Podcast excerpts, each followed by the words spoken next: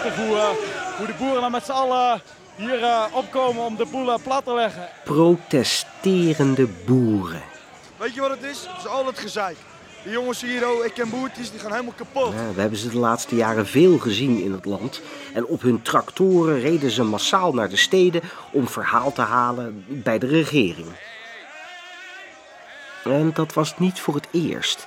Want 500 jaar geleden vond de meest beruchte boerenopstand van Holland plaats. Het kaas- en broodoproer. Dit boerenprotest kostte menige levens.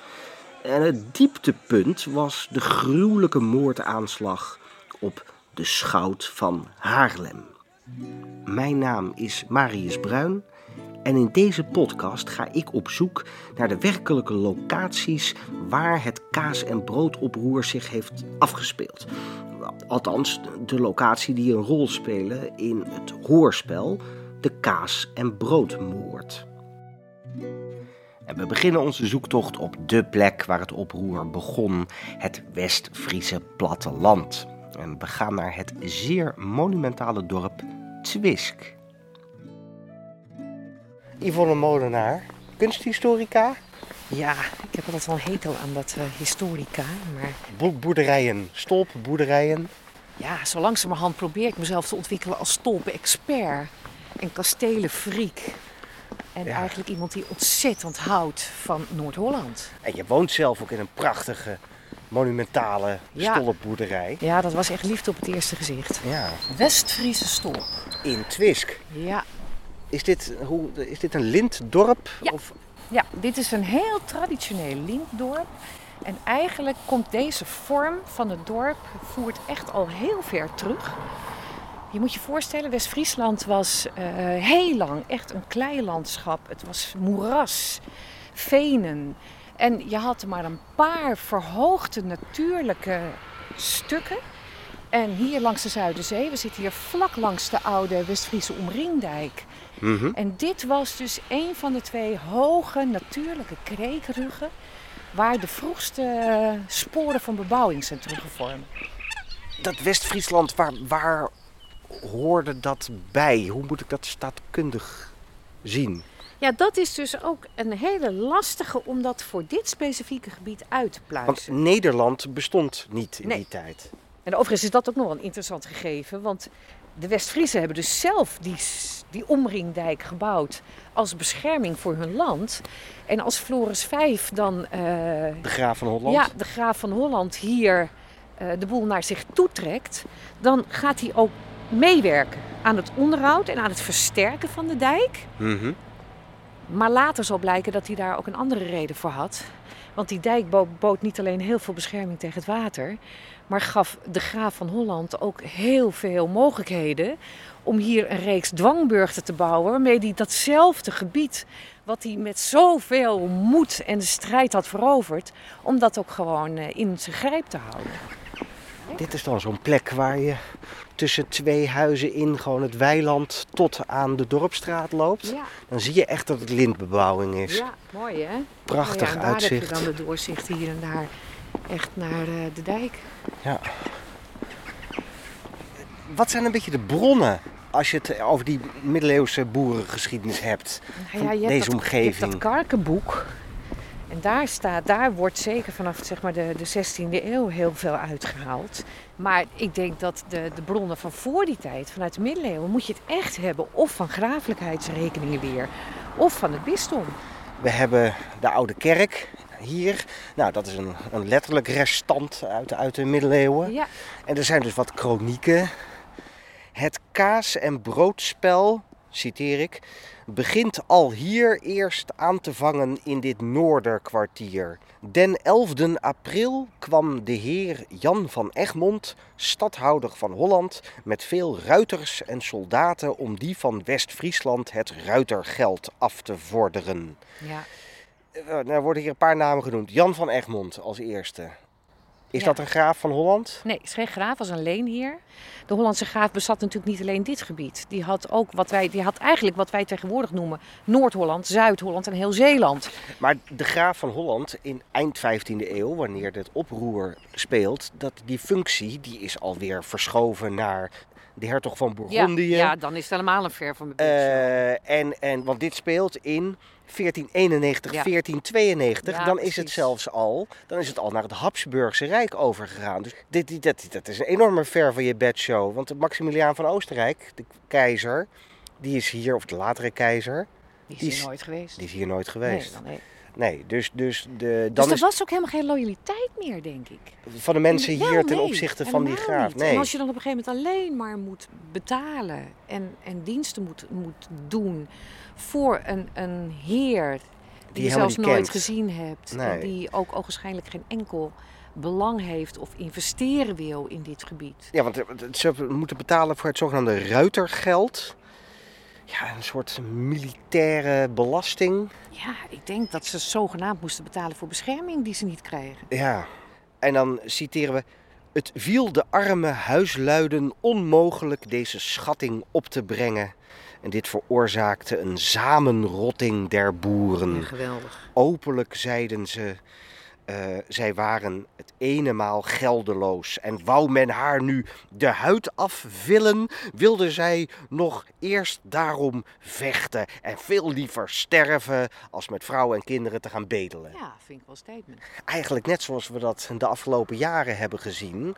Eh, eh, de boeren wilden hun recht halen en gingen dat letterlijk doen door naar de steden te trekken.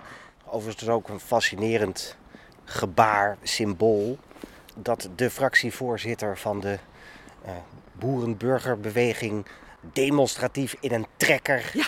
op het binnenhof verschijnt. Ja, ja ik vond het wel een mooi statement. Ja, Ja. Eh, de schattingeisers sloegen twee boeren dood. Ja, want dat lezen we in meerdere kronieken. Dat is ook wel heftig. Ja, dat er dus bij schermutselingen boeren worden doodgeslagen die niet willen betalen. En dan slaat de vlam in de pan. Ja, En dan flux kwamen al de boeren uit de dorpen op de been. ja. Ja, Ik begrijp het wel. Als je niets meer hebt te verliezen, nee. ja, dan rest nog maar één ding.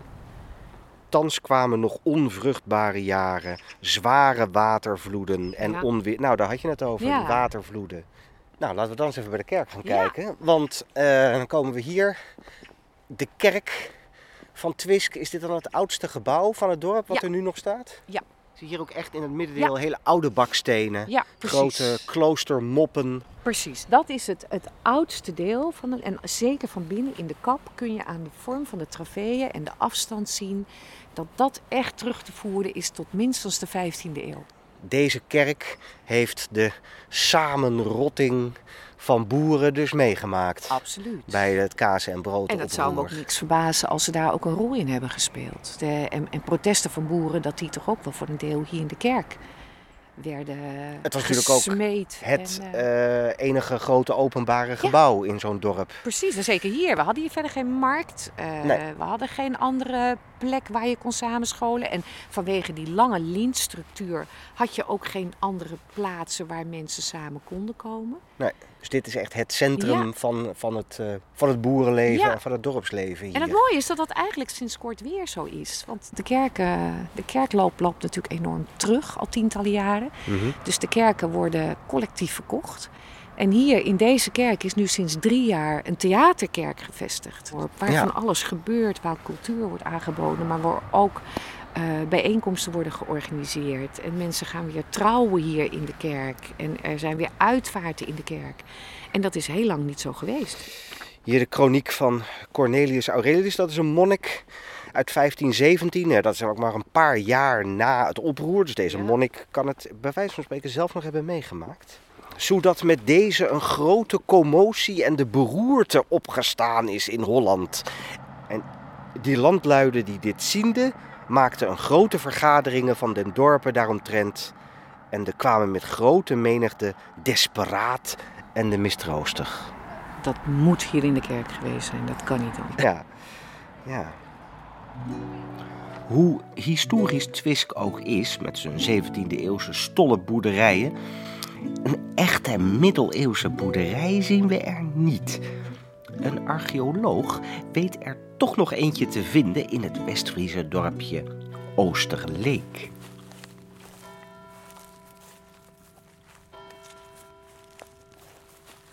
We lopen nu om de boerderij heen. Nou ja, boerderijtje. Het is maar klein.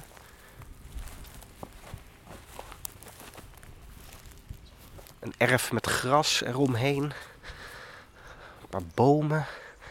En nou, achter de boerderij kijken we op de dijk. De West-Friese omringdijk. Voor de rest een typisch plat boerengraslandschap. Diewertje Duin, Ja, hallo. archeoloog. Ja?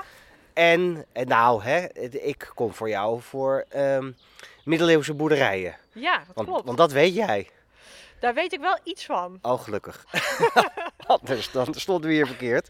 Nee, maar want wij staan hier nu voor een prachtige eh, boerderij.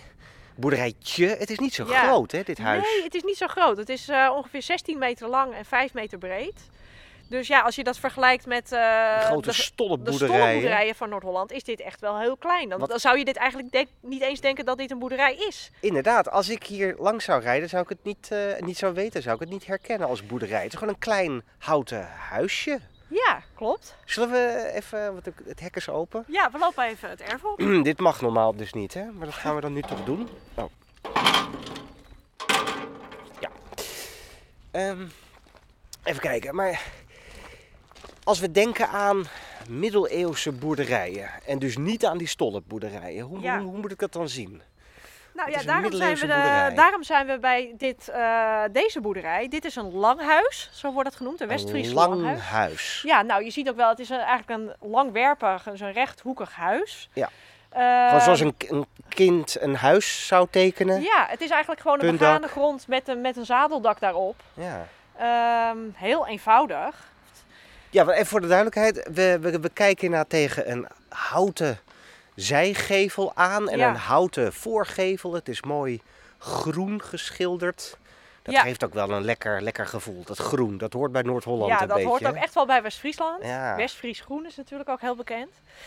Ehm, maar we zien dat er ook wel deels bakstenen gevels zijn. Ja. En dat is in de 15e eeuw op het platteland echt zeker niet het geval geweest. Oké, dus dit is allemaal van later. Ja, dit is echt allemaal van later. Nou, dit is sowieso een 18e eeuws langhuis, dus niet een 15e eeuws Wacht langhuis. even, we staan hier niet bij een middeleeuwse boerderij. Nee, we zijn hier zeker niet bij een middeleeuwse nou, dan gaan we boerderij. maar weer naar huis. Want waarom zijn we hier dan?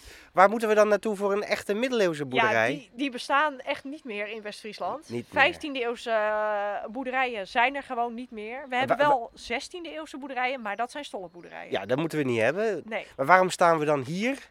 Nou, omdat dit echt een middeleeuws boerderijtype is. Het langhuis Ja. is echt een middeleeuws boerderijtype. Dit materiaal en zo, dit, dit specifieke ding, deze planken zijn niet uit de middeleeuwen, maar Nee, hoe het eruit ziet. de vorm van, van het gebouw is eh, helemaal- is helemaal middeleeuws. Dat gaat Ah, helemaal terug tot Ja. 14e, 15e eeuw. Kijk, Ehm, maar wat ik zeg, dus de, de boerderij was in de 15e eeuw helemaal van hout gemaakt, dus de Mhm. buitenkant. ja, dit hout, dat is... Appa, dat is wel mooi. Ja, dit zijn ook echt nog de oude planken hoor. Het is helemaal gerestaureerd, maar dit zijn echt eh, de originele planken nog. Ah, mooi. Nou, dan lopen we er even omheen. Ehm, en eh, ja, we zeiden dus al, het ziet er helemaal niet zo heel groot uit, hè? Nee, klopt. Ehm, het is eigenlijk, eigenlijk bestaat het van oorsprong uit drie ruimtes. Ja. Twee woonvertrekken aan de voorkant. De voorste niet verwarmd. Dan een vertrek dat wel was verwarmd. Dus Oké, dan- dus we zien hier die voorkant een voordeur. Zitten geen ramen in de voorgevel Nee, trouwens? dat klopt. Dat is iets wat je wel veel ziet ook hier in West-Friesland. Eh, Daarboven een klein raampje, ja, maar... je moet ook wel voorstellen, dat zeker ook in de 15e eeuw, want deze, dit Mhm. langhuis heeft nog wel redelijk grote ramen, maar die ramen zijn echt uit de 18e eeuw. Ja. In de 15e eeuw ja, was glas was ook nog heel, helemaal niet gangbaar, dus ze hadden wat luiken bijvoorbeeld. Maar het moet heel donker ook geweest zijn in die langhuis hoor, in de 15e eeuw. Ja. En, maar hoe moet ik het zien? Want het, het, voelt zo, het voelt helemaal niet logisch om in zo'n klein donker hok te gaan wonen. Of eh, zijn dat mensen die eigenlijk gewoon de hele dag lekker buiten werken? Mensen eh, sliepen natuurlijk in die tijd ook in bedstedes, dus heel compact eigenlijk. En er was eigenlijk één woonvertrek dat verwarmd was, daar werd gekookt. Mhm. En daar speelde eigenlijk het hele familieleven zich af. Zeker ook in de winter natuurlijk, als ze veel binnen waren. Ja. En daarachter, dus aan de achterkant van het Oké, langhuis... lopen we even wat verder naar achteren. Nou ja, veel verder. Het is helemaal niet zo... Je, je noemt het een langhuis, maar ik vind het helemaal niet zo lang.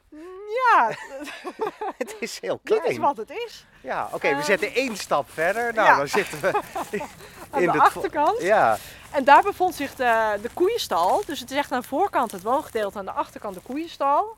En je moet je voorstellen dat in de 15e eeuw dat er ongeveer vijf, ja, vier, vijf koeien in zo'n langhuis stonden. oké. En die koeien die staan ook maar op iets van twee vierkante meter. Hè. Die staan natuurlijk de hele winter binnen. Maar die nemen ook eigenlijk weinig ruimte in. Dus je denkt misschien, ja, het is toch heel klein. Maar daar passen toch best wel wel veel koeien in. Het is echt, ja, het is echt... Het is echt- het enige originele langhuis dat er nog is in heel West-Friesland. Er Ja. zijn er duizenden geweest en Wauw. dit is er nog. Ja, het is een fantastisch dingetje. Maar eh, als we dan even eh, bedenken, want ehm, kleine woonruimte. hoeveel mensen hebben hier dan gewoond? Is dat een boerengezin of hoe moet ik het Ja, zien? dat is echt één boerengezin. Dus een man, een vrouw, Weer even. We lopen weer even naar het woongedeelte ja, toe. eh, wat kinderen. eh, de ouders eh, mogelijk ook nog, als die nog in leven waren. Dus ja het, is, e- ja, het is een gezin met misschien vijf, zes, zeven personen die in zo'n huis woont. Ja, en die, en die runnen ook die hele boerderij? Ja, in principe doen die alle dagelijkse werk. Dus het melken van de koeien, het me- uitmesten van de stal, maken van de zuivel, dus kaas en boter. Maar ik kan me wel voorstellen dat bij eh, ja, het incidentele werk dat arbeidsintensiever was. Dus bijvoorbeeld het hooien, eh, ploegen bijvoorbeeld. Dat er dan arbeidskrachten uit het dorp werden ingehuurd, dus arbeiders. Ja. Hier staan, nu staan we aan de achterkant van het langhuis. Hier is ook een mooie oude deur. Ja, Kunnen we hier door die raampjes eh, even naar de koeien gluren? Nee, er zijn nu geen koeien. er zijn geen koeien. Maar het wordt ook verhuurd als eh, bed and breakfast, geloof ja, ik. Dus klopt. dit, en het eh, is ook een museum. eh. Oh ja? Het is eigendom van Hendrik de Keizer en eh dit is ook open voor bezichtiging. Ah, nou, dat is hartstikke leuk. Ja, het is echt Ah, heel dat- leuk. Het is ook van binnen echt- echt prachtig origineel. Eh, je komt hier in de stal voor de koeien. Maar op het moment dat een langhuis, boerderij, een akkerbouwbedrijf was. Nou, dan is het eigenlijk altijd een gemengd bedrijf. Dus dan hebben ze en koeien. Ja. Ieder boerenbedrijf had koeien. En daarnaast hadden ze soms akkerbouw, dus graanteelt daarbij. Nee. En het wisselde ook heel sterk per gebied in West-Friesland. We hebben te maken met wat hoger en wat lager gelegen land. Lager gelegen land was eigenlijk te nat om goed graan te kunnen telen. Dus het was dus vooral in de wat hoger gelegen zones dat wel graan werd verbouwd. Zullen we wat verder eh, even hier het erf oplopen? Prachtig eh, langwerpig erf tussen de sloten. Ja, zo'n boerenbedrijf had ook een erf met fruitbomen, met een moestuin daarbij. Dus ze waren toch ook wel, eh, in hoge mate zelfvoorzienend. Ja, Produceerden hun eigen voedsel en daarnaast maakten ze zuivel om te verkopen en soms dus ook graan. je hebt het nadrukkelijk inderdaad over het produceren van eigen voedsel. Zelfvoorzienend, zeg je. Toch was het, eh, het kaas- en broodoproer een belastingoproer, maar ook eh, voor een deel een hongersnood. Ja, of je echt over een hongersnood kunt spreken, dat echt in de zin dat echt mensen stierven van de honger. Het was wel echt een periode van voedselschaarste. Eh, de, de import van graan werd erg beperkt, waardoor ook de prijzen van graan en dus ook de prijzen van brood heel erg hoog waren. En het was ook toevallig een periode dat het weer relatief slecht was. Dus de zomers waren erg koud, het was erg nat. Daardoor ging het ook niet goed met de graanteelt in West-Friesland. En eh, was ook de productie van gras, dus voor de koeien, ook voor het hooi, bijvoorbeeld voor de winter, eh, was ook heel problematisch. Waardoor er ook een hele hoge eh, veesterfte was. Dus heel veel koeien van de boeren gingen ook dood, gewoon omdat er veel te kort te eten was voor ze. Dus je ziet bij die boerenbedrijven, ze zijn misschien wel zelfvoorzienend, maar ze raken wel vee kwijt. Daardoor ook inkomsten uit de zuivel. Eh, het brood dat ze moeten kopen wordt duurder. Dus het moet wel een hele frustrerende tijd zijn geweest. Echt een periode van veel schaarste. En dat wat ze dan nog hadden, daar kwam die belasting En daar kwam dan nog de belasting bovenop. Ja. Dus dat was wel de druppel die de emmer deed overlopen, denk ik. Je zei dus kleine ge- gemengde bedrijven, één familie, één gezin. Waren die ook eigenaar van hun eigen land? Eh, dat zal voor een, voor een deel van het land gold dat wel. Dus de boeren hadden wel echt een deel van hun land zelf in bezit. Maar er was in de 15e eeuw was ook veel land in bezit van de kloosters. En die kloosters verhuurden dat dus aan de boeren.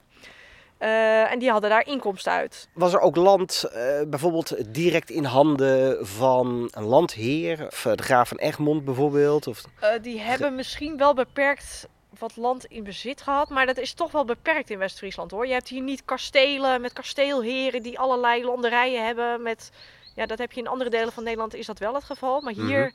Die hele, die hele elite laag eigenlijk ontbreekt hier een beetje. Ja, dus eigenlijk waren die boeren hier best wel eh, ja, eh, zelfredzaam, zelfvoorzienend Ja. en eh, zelfregulerend. Ja, toch ook wel ja. Dan gaan we nu een beetje speculeren, maar is dat dan ook de reden misschien dat die opstand onder de boeren hier is ontstaan? Want die zaten helemaal niet te wachten op al die bemoeienis van, van de nee, graaf. ja, het, het is toch wel, misschien de West-Friesen nu ook nog steeds wel een beetje een eigenwijs volk. Oh jee. Zijn we hier Eh, veilig? Ik, weet, ik ben ja, zelf wel eh, stedeling, dus eh, Ja, maar ze, ze waren toch wel ook erg op zichzelf en hadden niet veel met bemoeienis van, van buitenaf en van bovenaf. Eh, het was toch een, best wel een egalitaire samenleving. ja. En ze hadden daar niet eh, veel zin in, denk ik. De boeren hadden niet veel zin in bemoeienis van bovenaf. En het was dan ook uiteindelijk de vertegenwoordiger van de hoogste macht die het moest ontgelden. De Haarlemse schout Klaas van Ruiven. Op zoek in middeleeuws Haarlem vinden we hem niet in een kasteel of een paleis. Nee, we gaan het klooster in. De rijkdom en weelde van de orde van Sint-Jan.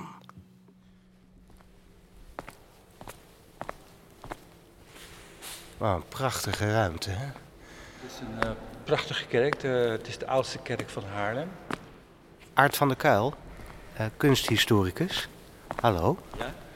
De, de Jansheren die werden ook wel eh Maltese ridders, Johanniters eh, werden ze genoemd. Dat klinkt dus helemaal niet als arme monniken, maar als ridders, zeg je? Dat klinkt als een eliteclub. Nou, dan als ik zeg Maltese ridders, die bestaan nog steeds. Hè, onze, onze eigen koning is nog lid van, van, die, eh, van die orde. Begrijp ik dat het een vrij rijk klooster was? Een enorme rijk klooster aan land. Daarom worden ze ook wel herenboeren genoemd. Want eh, zij kregen de revenue van, van die landopbrengsten. Van de boeren die, eh, die, die hun, hun landen pachten. Nou, nou weten we ook dat er verschillende mensen, bijvoorbeeld uit het stadsbestuur, burgemeesters, schepenen en de schout, Klaas van Ruiven, dat die ook bij dit klooster hoorde of eh, Eh, Klaas van Ruiven was eh, geassocieerd lid van, eh, van de orde.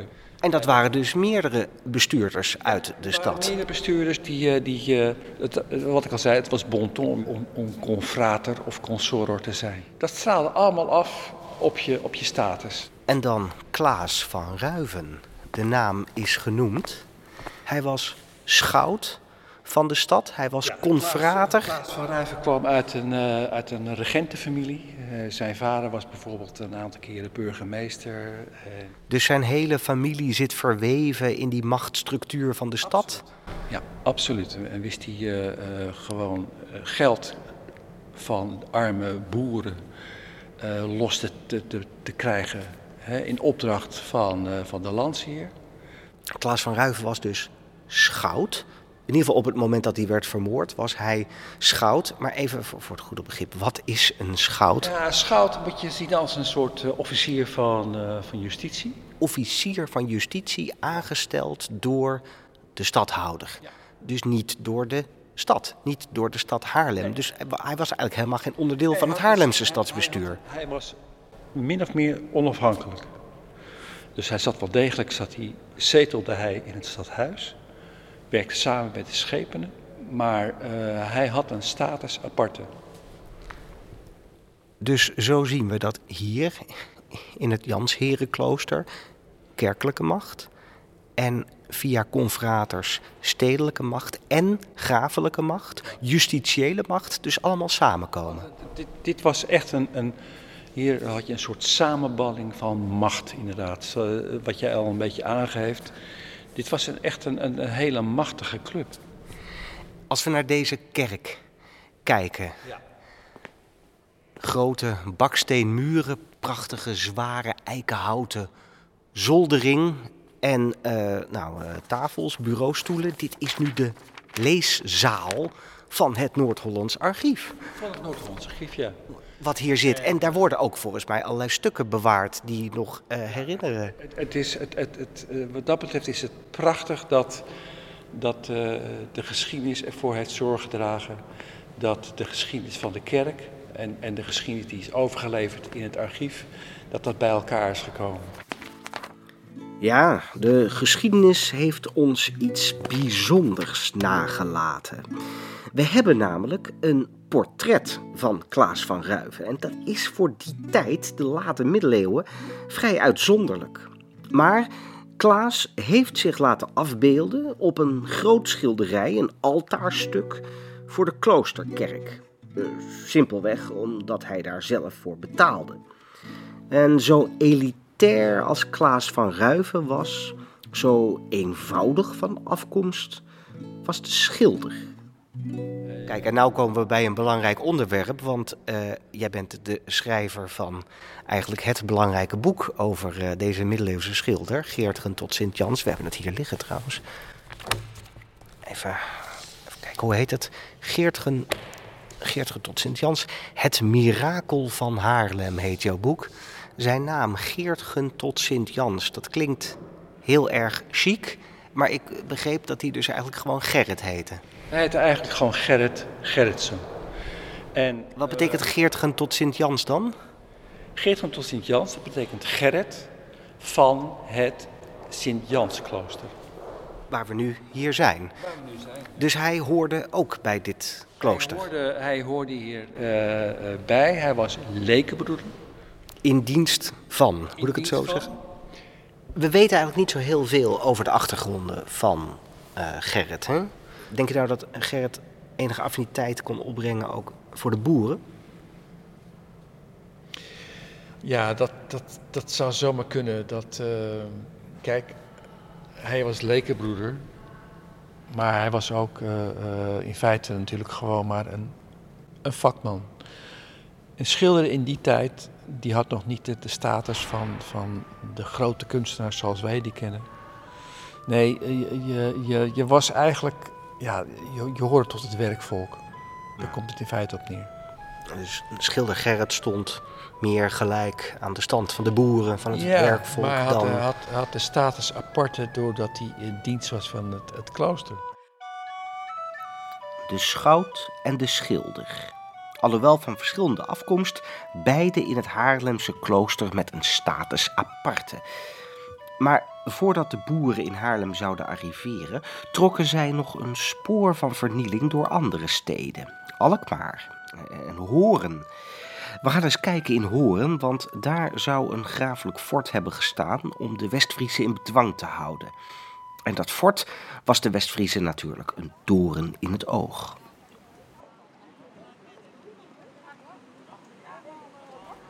Zo. Ben van Tartwijk, Juist, ja. Eh, amateurhistoricus nou, ja, dat mag je wel noemen zo. en vooral stadsgids van Stadsgids, en, Horen. eh, gids in het Westfries Museum. Westfries Museum. Ja, ja, ja. We, hebben nu, eh, we staan met ons rug eigenlijk naar het station. Ja. En hier links zien we de oude stad. En hier is nu, eh, ja, dit is een beetje een eh, suffe autoweg, staan we nu. Eh, En ja, een dat is het helaas. Bussluis. Let op, bussluis staat er een bordje. Erg, hè? En dit is dus de plek, hier moeten we zijn. Er zou hier een, een soort een fort hebben Ja. gestaan, of een kasteel, hoe moet ik het noemen? Een fortificatie. Fortificatie. Ja. In de tijd van dat kaas- en broodoproer. Dat blokhuis, hè, dat is Blokhuis, dat blokhuis, noemen. ja. Dat is een houten bouwsel. Ja, Toen dat hele kaas- en broodvolk volk oproer begon, heeft men dat weggehaald en heeft men een stenen toestand er neergezet. een stenen toestand. Stenen, stenen vesting. En Ah. dat bestond uit twee torens. Het werd serieus. Ja, dat heel serieus. Twee torens met daaromheen een, een eh, dikke muur. En aan de binnenkant was hij opgevuld met aarde. Kijk, Om eventuele kogeltjes op te kunnen vangen. kogels ook. Ja, ja, ja. Want van wie hadden ze kogels te verwachten? Van de boeren? Nou, bijvoorbeeld wel. Want de boeren die hadden, die waren, het leek wel een zootje ongeregeld, maar dat was het bepaald niet. Ah. Het was goed georganiseerd. Er rijden hier ondertussen ook vrachtwagens langs, Ja, want dit is gewoon echt een, eh, een doorgaande weg tegenwoordig. Het was dus veel meer dan alleen een stadspoort. Ja. Echt, eh, Ja, het was eh, nou ja, een, een vesting. ja. Echt een vesting. Maar even, even voor mijn idee. Was dit een vesting gebouwd door de stad Horen? Nee. Nee, Nee, door de overheid. dus dat stond er Door de eigenlijk... landelijke overheid. Dus dat stond er wel tegen de stad aan, maar Ja. het was niet van de stad. Nee, het was niet van de stad. Dus daar zat de stad misschien helemaal niet op te wachten. Absoluut niet. Ze zagen het als een bepaalde beknelling. Ja. Wie zaten er dan in dat fort Soldaten. En eh, de... van de graaf? Van de graaf. Ja. En hoe groot de bezetting is geweest, dat weet ik niet. Mhm. Dat, dat kan ik niet terugvinden in de kronieken. Maar ik weet wel dat het Duitse soldaten waren. Duitse soldaten. Wat verdikken me. Dit Ja, is, ze wisten toen al de weg, zeg maar. Duitse huursoldaten. Ja, eh, ja, of waren dat, hoe moet ik dat Nee, zien? huur- huurlingen. Huurlingen. En dat was gebruikelijk, dat de graaf eh, die hier, eh, hierheen liet komen. de troepen hebben natuurlijk geen, geen eh, connectie met de plaatselijke bevolking. Dus ze Ah. staan er redelijk neutraal in, zeg maar. Ja, precies. Slim idee. Ja, slim idee. Een slim idee. Ja, dat ze niet makkelijk vriendjes konden worden hier met de lokale. Taal is ook wat lastiger natuurlijk. Ja, precies. Ah, dus praten, dat is er ook niet bij onderling. Je moet wel vechten. Ja, zo Of zeg ik ja. het nou te makkelijk? Nou, nee, maar kort door de bocht is dat natuurlijk zo. Ja, laten we dan de stad, de middeleeuwse stad inlopen. Ja, dit is dan meteen een mooie historische straat, oude pandjes. Als we naar dat kaas- en broodvolk kijken, dat ging natuurlijk over de boeren. Was Horen in die late middeleeuwen een rijke stad? Nee, Nee. nee, nee. Eh, het- er zijn een aantal vervelende epidemieën geweest. En er waren torenhoge belastingen. Dus er was één dikke, dikke arm. De gids neemt mij mee naar het Westfries Museum.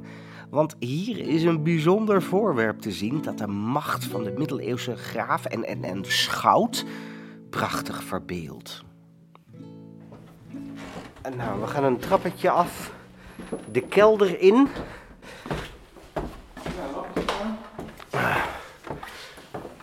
Zo. En hier kijken we naar de restanten wat we hebben uit de middeleeuwen. Ja, zo mag u het wel stellen, ja. Nou, wat zien we hier allemaal? Ja, een soort handkanonnetje. Een haakbus. Die haak die haakt hier vast en pief paf poef. Is dit een middeleeuws Ja. geweer, Nou, vuurwapen? noem het zo, noem het zo, ja. Inderdaad. Is dit waar eh, die boeren misschien wel mee op dat blokhuis hebben geschoten? Wellicht. Maar het belangrijkste object waarvoor we hier zijn, dat ligt daarachter. En wat is dat? Eh zien jullie een stok van, laten we zeggen, twee duim dik. En bovenop die stok is gemonteerd een lode vuist. Een lode vuist. Ik ga nu iets dichter bij het glas staan.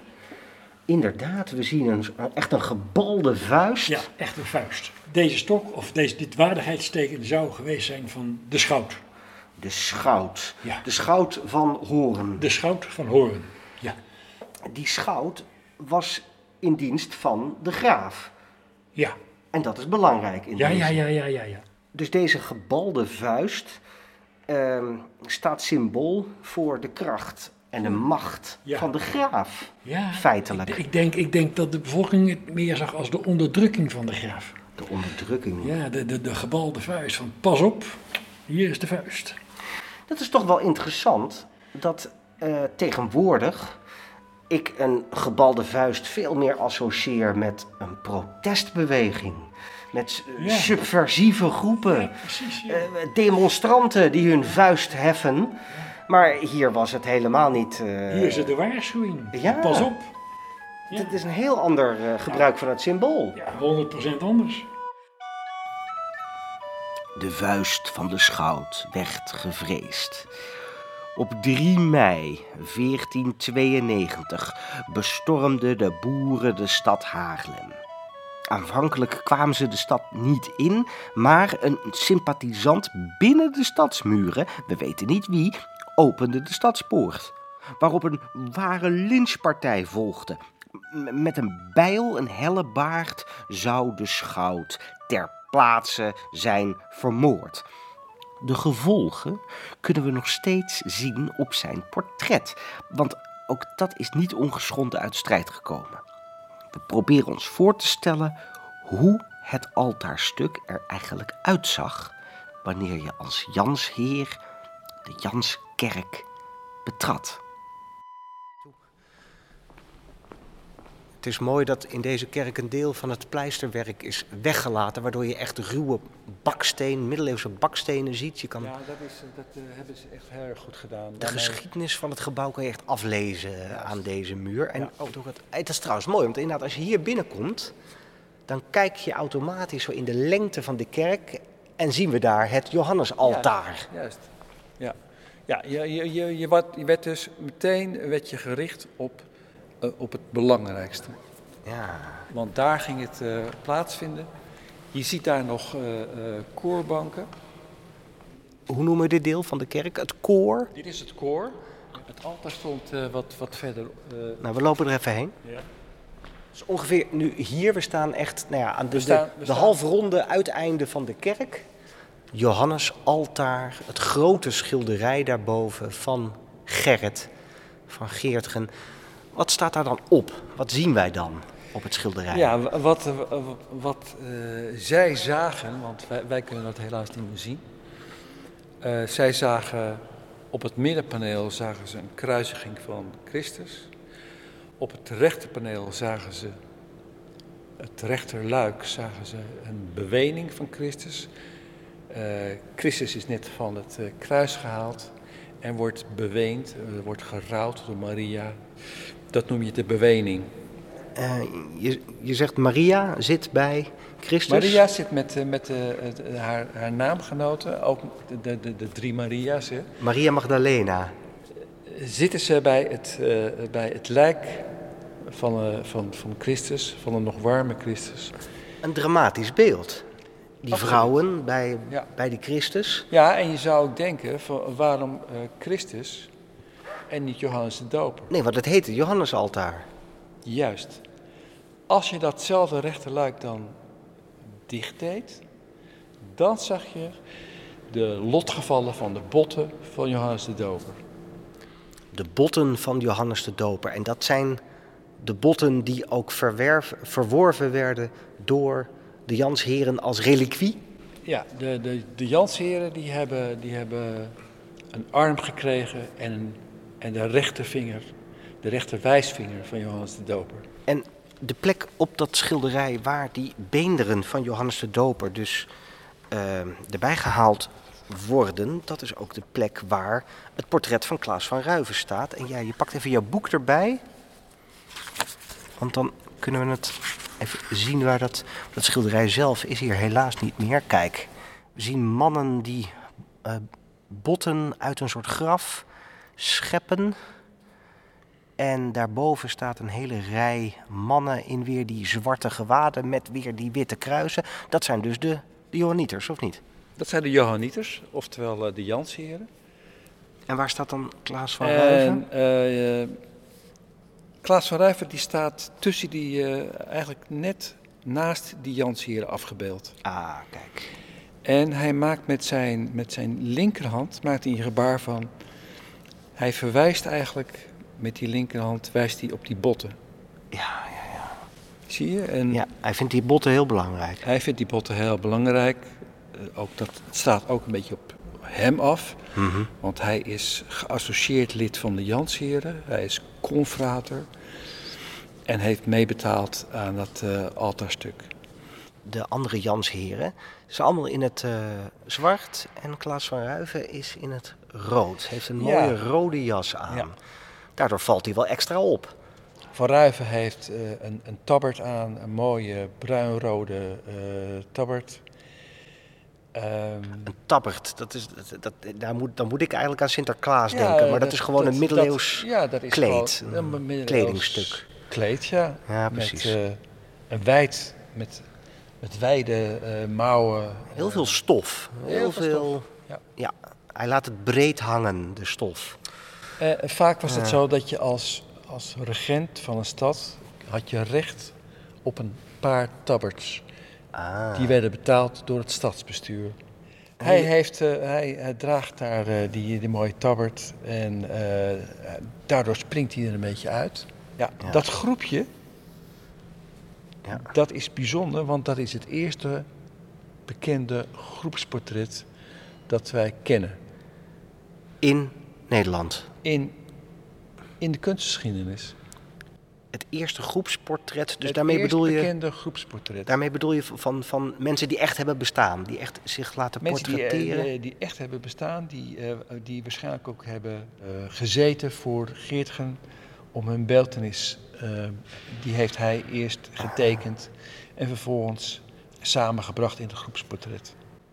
Zoals wij later ook de beroemde Haarlemse groepsportretten van regenten en schutterstukken zouden hebben. En Ja. is dit een soort voorloper Dit daarvan? is een voorloper van die, van die, eh, van die schuttersportretten, Wauw. van Frans Hals onder andere. Ja. Op het moment dat het kaas- en brood oproer plaatsvond, op het moment dat de eh, boze boeren en andere opstandelingen hier plunderend door de stad eh, trokken, hing dit drieluik hier eh, dus al. Eh, en was dit groepsportret al te zien. Maar ik begreep dat er later, dus nadat eh, Klaas van Ruiven, die hier nog op staat, vermoord was, dat er dingen aan veranderd zijn aan dit schilderij. Klopt, postuum. Nou, eh, bijvoorbeeld Klaas van Ruiven die had een, een schoutenstaf. Daarmee kon je zien als hij door, eh, door de stad liep of wanneer hij recht sprak, dan kon je zien van dat is de schout. Maar die zie ik hier niet op het schilderij, die schoutenstaf. Die schoutenstaf zie je niet meer, want die is eh, eh, weggeschilderd, Waarom? geretoucheerd eh, met een mooi woord. Maar waarom is die weggehaald? Eh, nou, dat heeft te maken met het feit dat Klaas van Ruiven, nadat hij was vermoord, schout af was. Ja. Dus eh, hij kon niet langer met, die, met dat teken van waardigheid kon hij worden afgebeeld. Dus ook hier op dit prachtige groepsportret, waar die toch vereeuwigd is, Ja. is zijn waardigheid als schout gewoon weggeretoucheerd Ja. uit de geschiedenis. Klaas van Ruiven, ik zie het als de eerste politieke moord. We zeggen wel eens de eerste politieke moord. Dat was de moord op eh, eh, de gebroeders De Wit in Mhm. Den Haag. Maar ik zeg de eerste politieke moord, dat is de moord van de boeren, opstandige boeren, eh, die Klaas van Ruiven hebben vermoord. Van Ruiven is door een, een hellebaard om het leven gekomen. Ja, je, je wijst nu naar een Ik hellebaard naar hier een- op het Een schilderij. ander groepje op het schilderij. Ja. En er staat een pikenier, maar er staat Ja. ook iemand met een hellebaard. En Van Ruiven, kijkt als het ware naar het moordwapen waar die mee om het leven is gebracht. Nou, maar, maar is dat, Dat toe- is, is dat toeval? eh, dat zou toeval kunnen zijn. Maar het is ook, eh, en je zou kunnen zeggen van het is te mooi om waar te zijn. Maar het is wel bijzonder dat hij in mootjes werd gehakt met een hellebaard.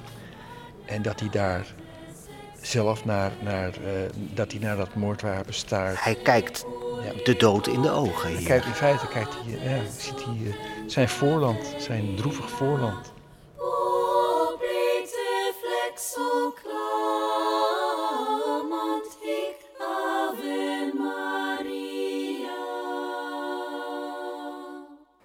Dit was de Kaas- en Broodmoord, deel 3. Een podcast van Marius Bruin in gesprek met Yvonne Molenaar, Diewertje Duin, Bert van Tartwijk en Aart van der Kuil. Met dank aan het Noord-Hollands Archief, Westfries Museum, Vereniging Oud-Horen en Archeologie West-Friesland.